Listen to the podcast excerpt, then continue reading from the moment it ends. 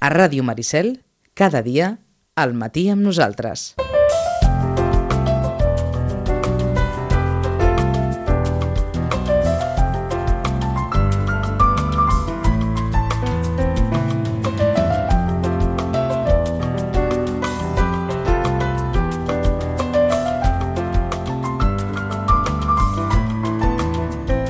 Doncs eh, ens anem a l'espai de les, de les biblioteques, que eh, això, això a vegades és com una consergeria. I aleshores va entrant la gent, et pregunta les coses a través del vidre i que, aquelles coses que no... Bé, i costa a vegades posar-s'hi. Eh, amb la Marta Sánchez. Marta, bon dia. Hola, bon dia. Amb la Paquita Sol. Bon dia, Paquita. Bon dia. Doncs anem a repassar les activitats de les biblioteques de eh, les, properes, les properes setmanes. A veure, Molt bé, doncs començarem per la setmana que ve, el proper dimecres, dia 29, a dos quarts de set de la tarda, comencem un cicle de xerrades sobre un tema que està molt d'actualitat, la reinvenció professional. Eh, Aquest primer, aquesta primera xerrada eh, es titula No hay desarrollo profesional sin desarrollo personal i anirà a càrrec de Daniel Becerra Ortega, que és expert en coaching integral, que té un centre aquí a Sitges, i ens comentarà, ens explicarà coses de com formar-se en aquest aspecte. Aquesta seria la, que tenim, la primera que tenim, la setmana vinent. la setmana vinent una xerrada sobre desenvolupament personal. Això mateix. Uh, aleshores, uh, ja entrant al mes d'abril, tenim una altra xerrada el dimecres dia 5, a dos quarts de vuit de la tarda, a càrrec de Julian Echtenkamp, que ja ens va oferir una xerrada fa uns quants dies, i aquesta propera, la del dia 5, porta per títol Gestió de conflictes, un altre tema interessant per, per la formació personal i per reflexionar aspectes d'aquests interessants que ens poden ajudar en el dia a dia. Aquesta serà eh, el 5 d'abril, a càrrec, com deies, de la Julian Eckenkamp, que és, bé, eh, és una coaching eh, que també ha vingut diverses vegades aquí, aquí a la ràdio. D'acord. I ja pel públic infantil tenim els divendres amb l'hora del conte. Uh, demà, demà mateix, el dia 24, a dos quarts de sis, l'hora habitual, l'hora del conte, uh, aquesta setmana amb contes de nenes valentes, a càrrec de la Sara Genovar, i són contes que tractaran de temes com la igualtat i valors eh, importants per a la societat, mm, sempre des del punt de vista doncs, adreçat als infants amb històries divertides. Uh -huh.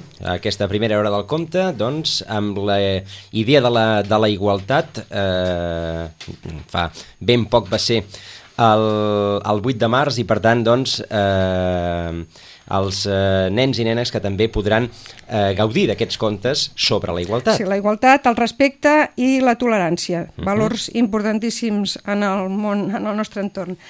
I a la setmana següent, que acabarà el mes de març, el divendres 31, un altre conte a dos quarts de sis de la tarda, a càrrec de Blai Sanabra, i es, es titula mm, Contes animalats, que són contes, com ja ens indica el títol, protagonitzats per animals, per bestioles i per alguna persona. Uh -huh. és una, aquestes hores del conte, que és una de les activitats doncs, més, més demandades, que més, que més triomfa també a la, Sí, a la biblioteca. acostumen a estar molt concorregudes aquestes hores del conte. Això Doncs- seria el que fa eh, a les activitats, Activitats, que tenim trobades. aquestes Mhm. dues properes setmanes. Mhm. I us volíem comentar també que tenim un parell d'exposicions a la biblioteca. Eh, aquesta setmana, el dia 21, ha estat el dia de la poesia i hem fet una tria de, de llibres de poesia eh, majoritàriament eh, d'autors locals, d'autors sitgetans. Tenim, per exemple, de David Jou Miravent, L'Avinguda i el laberint i Luz de Sitges, de Joan Duran i Ferrer, Extrema Llum, de Cecília Sánchez Mustic, a l'hotel a deshora, la llum de Sitges protagonista, amb aquests Mhm. llibres de poesia, i també hem fet un, una, un punt d'atenció a la poeta Maria Mercè Marçal, amb la seva obra eh, més important, que és Bruixa de Dol, ja que fa recentment s'ha tornat a... s'ha fet una nova edició de la seva obra i també s'ha publicat una biografia d'aquesta gran poetesa. Per tant, tot d'activitats al voltant, com deies, de, del Dia de la Poesia. Sí, i un altre punt d'atenció, un altre centre d'interès, també aquesta setmana ha estat el dia de la meteorologia i hem fet una tria de llibres eh, relacionats amb, amb aquest tema que ens interessa també molt, que Avui, és el temps. és avui el dia Avui. De, la, de la meteorologia. Avui, dia 23, exacte. Dia 23. Uh -huh. Hi ha, per exemple, el, llibre, el gran llibre dels temps, Uh -huh. del temps, perdó, uh, Cómo predecir el tiempo e interpretar las señales, i un altre que potser serà una mica més uh, irònic, El temps és boig. Uh -huh. Doncs això ho podeu trobar ara mateix en aquestes dues exposicions que tenim a la biblioteca. D'acord, doncs tot això, activitats, eh, exposicions en aquest cas, a la Biblioteca Josep Roig i Reventós de la, de la plaça Catalunya. Ah, exactament. Uh -huh. Doncs aquestes són les, les activitats que ens, eh, que ens ha costat la, la Paquita, Marta. Doncs amb això relacionat que deia la Paquita del Dia de la Poesia, també Sí. volia explicar que si us acosteu per la biblioteca veureu ja des del carrer una cosa diferent, que no, Mhm. no, no és habitual, i és que la Susana, la nostra companya, ha fet un dibuix en el vidre de, la, de les finestres que donen a la plaça Catalunya relacionada amb aquest Dia de la, de la Poesia i doncs, bueno, amb rotuladors especials per pintar en vidre, ha fet tot unes flors i una... bé, Doncs, ho, ha, ho ha pintat d'una manera molt artística i la idea és continuar utilitzant aquests vidres com aparadors culturals en diferents temes o Moments. coses que puguin sortir, no? d'aprofitar que la biblioteca doncs, tenim la sort que és una planta baixa i que té un, des de fora i des de dintre queda tot molt interrelacionat gràcies a aquestes finestres tan grans que tenim. El fet de que hi hagi, no sé, un, un dia com els dies de la, de, de la poesia fa que mm, desperta més interès entre, entre els lectors, el fet de que se'n parli una miqueta més. Sí, són excuses no? de, de, de destacar certs temes que si no doncs, bueno, quedaria només doncs, perquè ja són aficionats a llegir poesia, però així sí, que se'n parli, qui diu de poesia, doncs, diu, no? aquests dies internacionals, aquests dies mundials, doncs són per donar rellevància a, a temes i per tant per nosaltres són excuses per treure llibres que potser estaran ubicats en diferents prestatges de la biblioteca i d'aquesta manera amb aquestes exposicions, aquests punts no? petits de, que comentava la Paquita doncs ens serveix per, donar, per treure-ho de prestatge i donar a conèixer fons que d'altra manera doncs sí, segurament quedarien més perduts o passarien més inadvertits, menys pels que ja estem interessats. O sigui, són, són bons moments per aprofitar per treure aquests llibres. D'acord, doncs aquestes, eh, aquesta proposta, a partir fins i tot d'una eh, d'una pintada del, del, de, del vidre Exacte. de, de, la, de la biblioteca, tot, tot el que siguin reclams perquè, perquè la gent s'hi acosti. I també relacionat amb això, us volia comentar, eh, la Diputació de Barcelona ha posat en marxa una campanya dedicada a les biblioteques, a la xarxa de biblioteques municipals. Potser heu vist algun cartell en, en marquesines pel carrer o pel metro, en aquelles pantalles que hi dintre els vagons, doncs jo ahir mateix vaig veure també un, un d'anunci de- d'aquesta campanya que porta per títol Ja saps tot el que pots viure a la biblioteca? I el que pretén és això, amb uns cartells, amb uns anuncis curtets, amb diferents materials per difondre en xarxes socials o en altres sistemes, explicar mitjançant unes paraules, què es pot viure. No hi ha tant que es pot fer a la biblioteca, sinó que es pot viure a la biblioteca, m'agrada que hagin utilitzat aquesta paraula, i està adreçada a cinc públics diferents, als infants, als joves, als adults, a la gent gran i als nouvinguts. En cadascun d'aquests públics els hi proposa, els hi explica mitjançant això, no? unes paraules, què poden treure, quin profit poden treure de, de les biblioteques.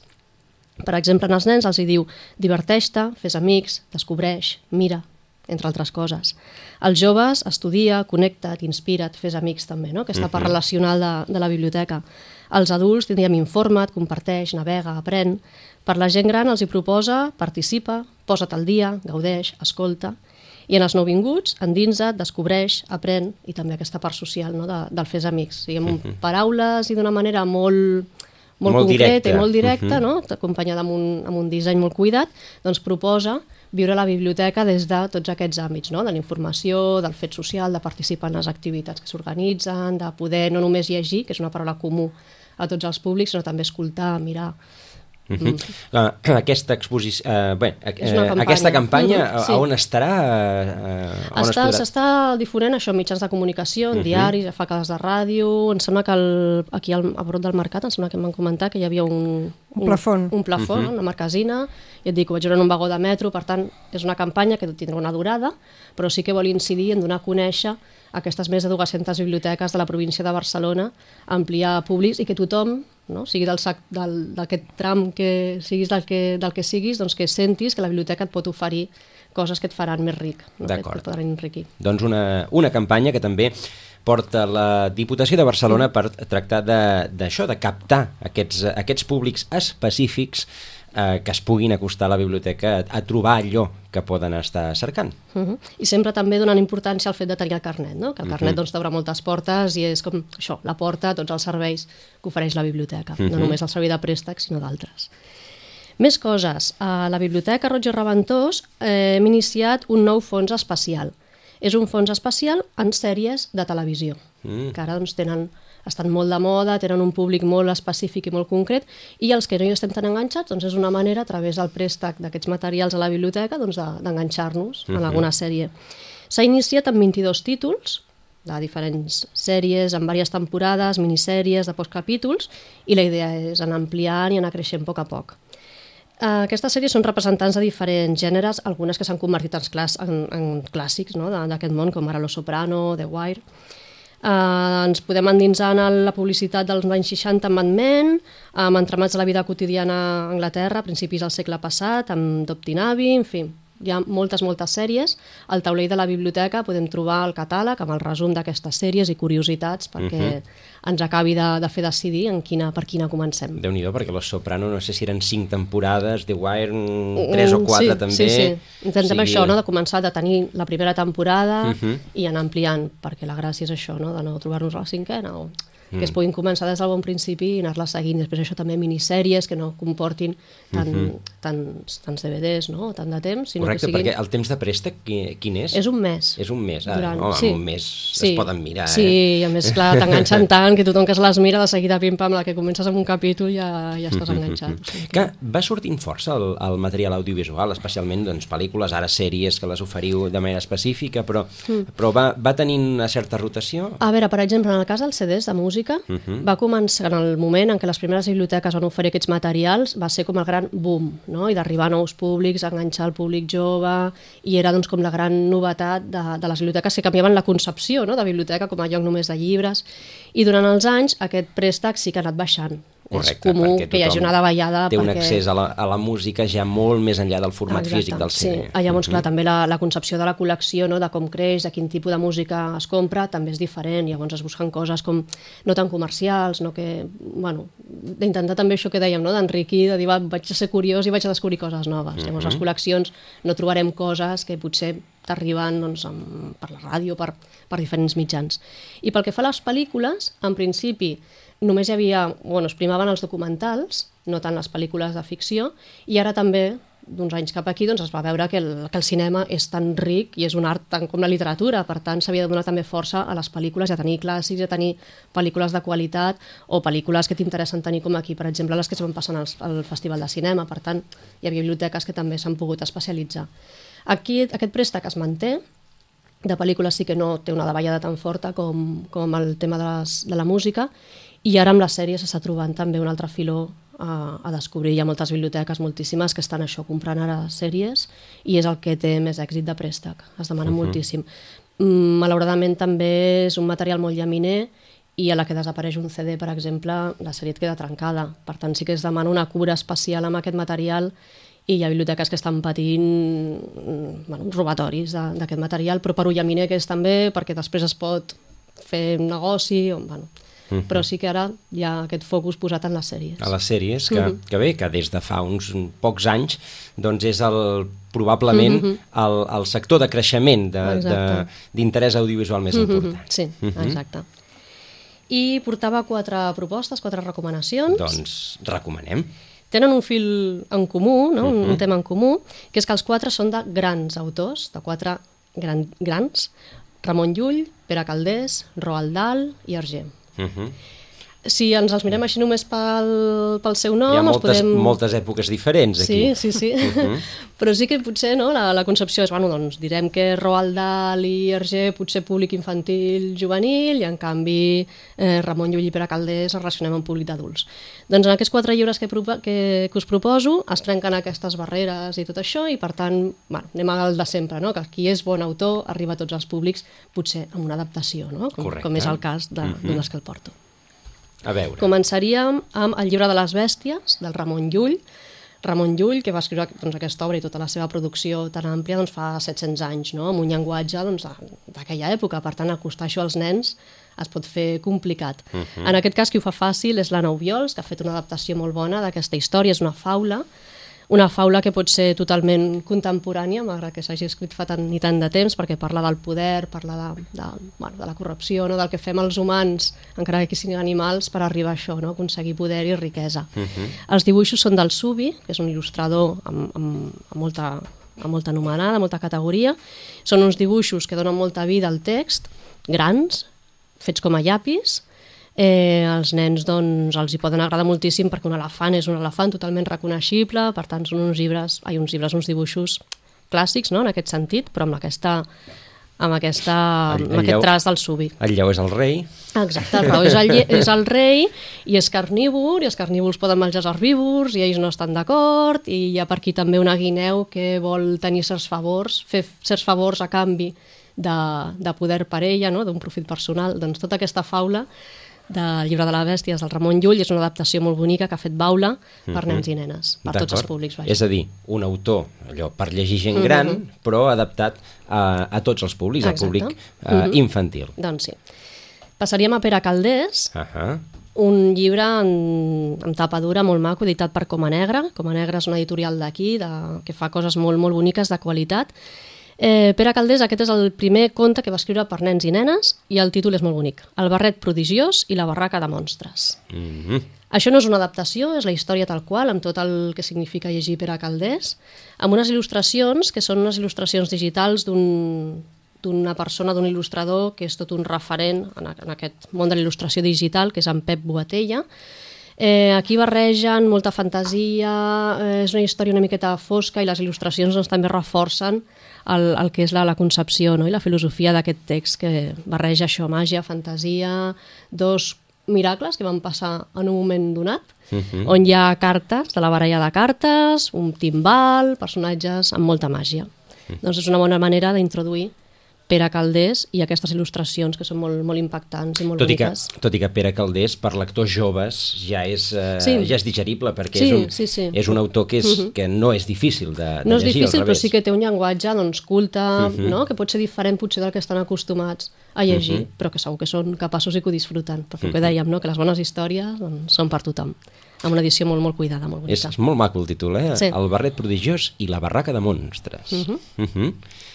Doncs passem de Pere Caldesa... A Roald Dahl. Uh -huh. Roald Dahl, que relacionem amb Charlie la fàbrica de xocolata, amb la Matilda, amb el amb l'altre que m'ha dat. Ui. Uh, les bruixes, les ara bruixes... M'has enganxat. Roald Dahl, Déu, això... no el segueixo tant. No, doncs, aquest 2006 va ser el centenari de la seva, del seu naixement uh -huh. i en el món de les biblioteques i de la literatura en general doncs, es va portar moltes activitats, es va donar com a reconèixer perquè pensem que és un imprescindible que ha de passar per les mans de, de tothom uh -huh. i amb aquestes històries tan boniques que molts nens coneixen per les versions de cine doncs coneixen a Roald Dahl. Però Roald Dahl era molt bo també fent contes, narracions curts per adults i per un públic jove.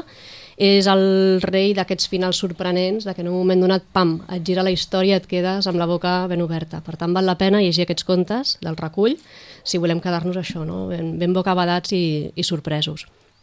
Algun dels protagonistes? Doncs un inventor que fabrica una gran màquina capaç d'escriure millor que qualsevol novel·lista. Un mariner que juga el dit de la mà per un Cadillac un antiquari bar que es disfressa de capellà per estafar les seves víctimes, una parella amb àrees de grandesa que contracta un majordom per impressionar els seus convidats. Són alguns dels protagonistes d'aquests contes -huh. per, per joves i per adults. Doncs Roald Dahl. Els millors uh, contes de Roald Dahl. Els millors contes. Uh -huh. Una, per tant, doncs, uh, narracions curtes i molt interessants. I acabem amb Arger. Ahà, el pare de Tintín. Pare de Tintín doncs aquest llibre és fruit d'una exposició de la seva obra que explicava, explica, eh, aquesta exposició explicava mm, doncs, la, la biografia de l'Hergé, però també tot, les, tot el seu art, no? d'aquest traç que va fer, eh, tot el que va innovar en el món de la, de la història i tota la història del Tintín que porta darrere un munt de tintinòlegs i d'experts i de superseguidors d'aquestes històries. Aquest llibre és un recull d'això, no? de la biografia de Tintín, de tot el, el seu estil, de tot el que va innovar, de tot el que va portar, eh, també explicar àlbum per àlbum i personatge per personatge. Per tant, és un imprescindible per tothom que es vulgui introduir o que ja sàpiga coses del Tintín. És com un recull de, de tota aquesta història. És una mena del catàleg de l'exposició. Sí, de- sí, exacte. Eh? Seria tot, a partir de l'exposició... Doncs, Sí, perquè la recordem, aquesta exposició es va fer fa uns anys Sí, exacte. i a Brussel·les i després sí, sí, va, va rodar. recórrer, Mhm. Exacte. El que també té de curiós aquest llibre de- d'especial és que l'autor era amic personal de l'Hergé, per tant també aquí hi ha molta cosa d'anècdotes i de coses que potser no són prou conegudes, però en canvi un amic tan personal doncs sí que la sap, i a més a més va ser el seu assessor d'art contemporani, perquè sabem que Hergé era molt pulcre i molt cuidadós en cuidar el detall, que tot fos realment com, com era, no? que cuidava molt això. Ahà. I ell doncs era, eh, Estrex, no hem dit el nom de l'autor, era el seu assessor d'art contemporani. Eh, ella ha realitzat aquest treball a partir dels arxius del Museu Hergé i també explica com altres artistes van influenciar en, en l'obra d'Hergé, no? i d'aquí ve el títol d'Hergé i l'arte. De fet, Hergé, eh, un, un dibuixant controvertit, perquè té, té, té una història doncs, eh, gairebé apassionant al, a- al darrere seu i que, i que encara doncs, se'l revisita, encara se l'estudia eh, per trobar doncs, aspectes de la, de la seva obra. Doncs en aquest, eh, en aquest catàleg, eh, convertit en llibre, eh, interessant que també ens, eh, ens proposa la Marta, eh, podem trobar doncs, aquesta relació que tenia l'autor belga amb el món de l'art. Exacte. És un llibre que podeu trobar a la biblioteca, agafant préstec, és de gran format, molt ben publicat, però també penso que és un llibre perfecte per regalar.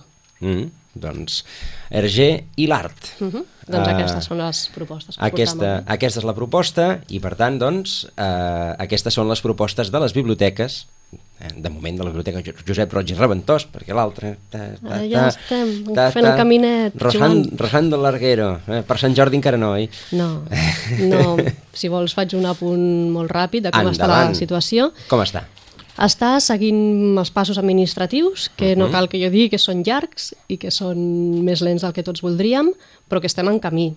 Així com fa un temps dèiem estar aturat per aquí tema dels romanents, tot allò que, que hem anat explicant, ara no, ara estem en camí, però sí que s'han de seguir uns terminis, uns plaços administratius pel tema de la licitació, de mobiliari, de, del sistema d'autoprèstec, de senyalització, però això que és el pas que faltava, doncs ara hi ha els diners i s'està seguint doncs, tot aquest procés per poder publicar la licitació ja. Eh, estarà aquest any? Aquest any, el desembre, pot estar molt encarrilat, inaugurat. Ja veurem. No puc dir una data perquè no, dir, no hi ha una data. Entre finals d'aquest any i com a... l'any que ve, Sant Jordi de l'any que ve, si Déu vol. Podríem dir-ho així, però sí que això Mhm. no volia dir això, de que, de, de que s'està treballant, de que no és un tema oblidat en cap cas, de que Mhm. internament doncs, estem fent feina perquè després un cop tinguem els mobles posats sigui el muntatge sigui el més ràpid possible per poder inaugurar el més aviat possible també, que, Doncs que tenim moltes ganes. toquem fusta. Sí. Uh, Paquita Sol, moltíssimes gràcies. Gràcies a Marta vosaltres. Sánchez. Gràcies. I ens veiem en 15 dies. Molt bé.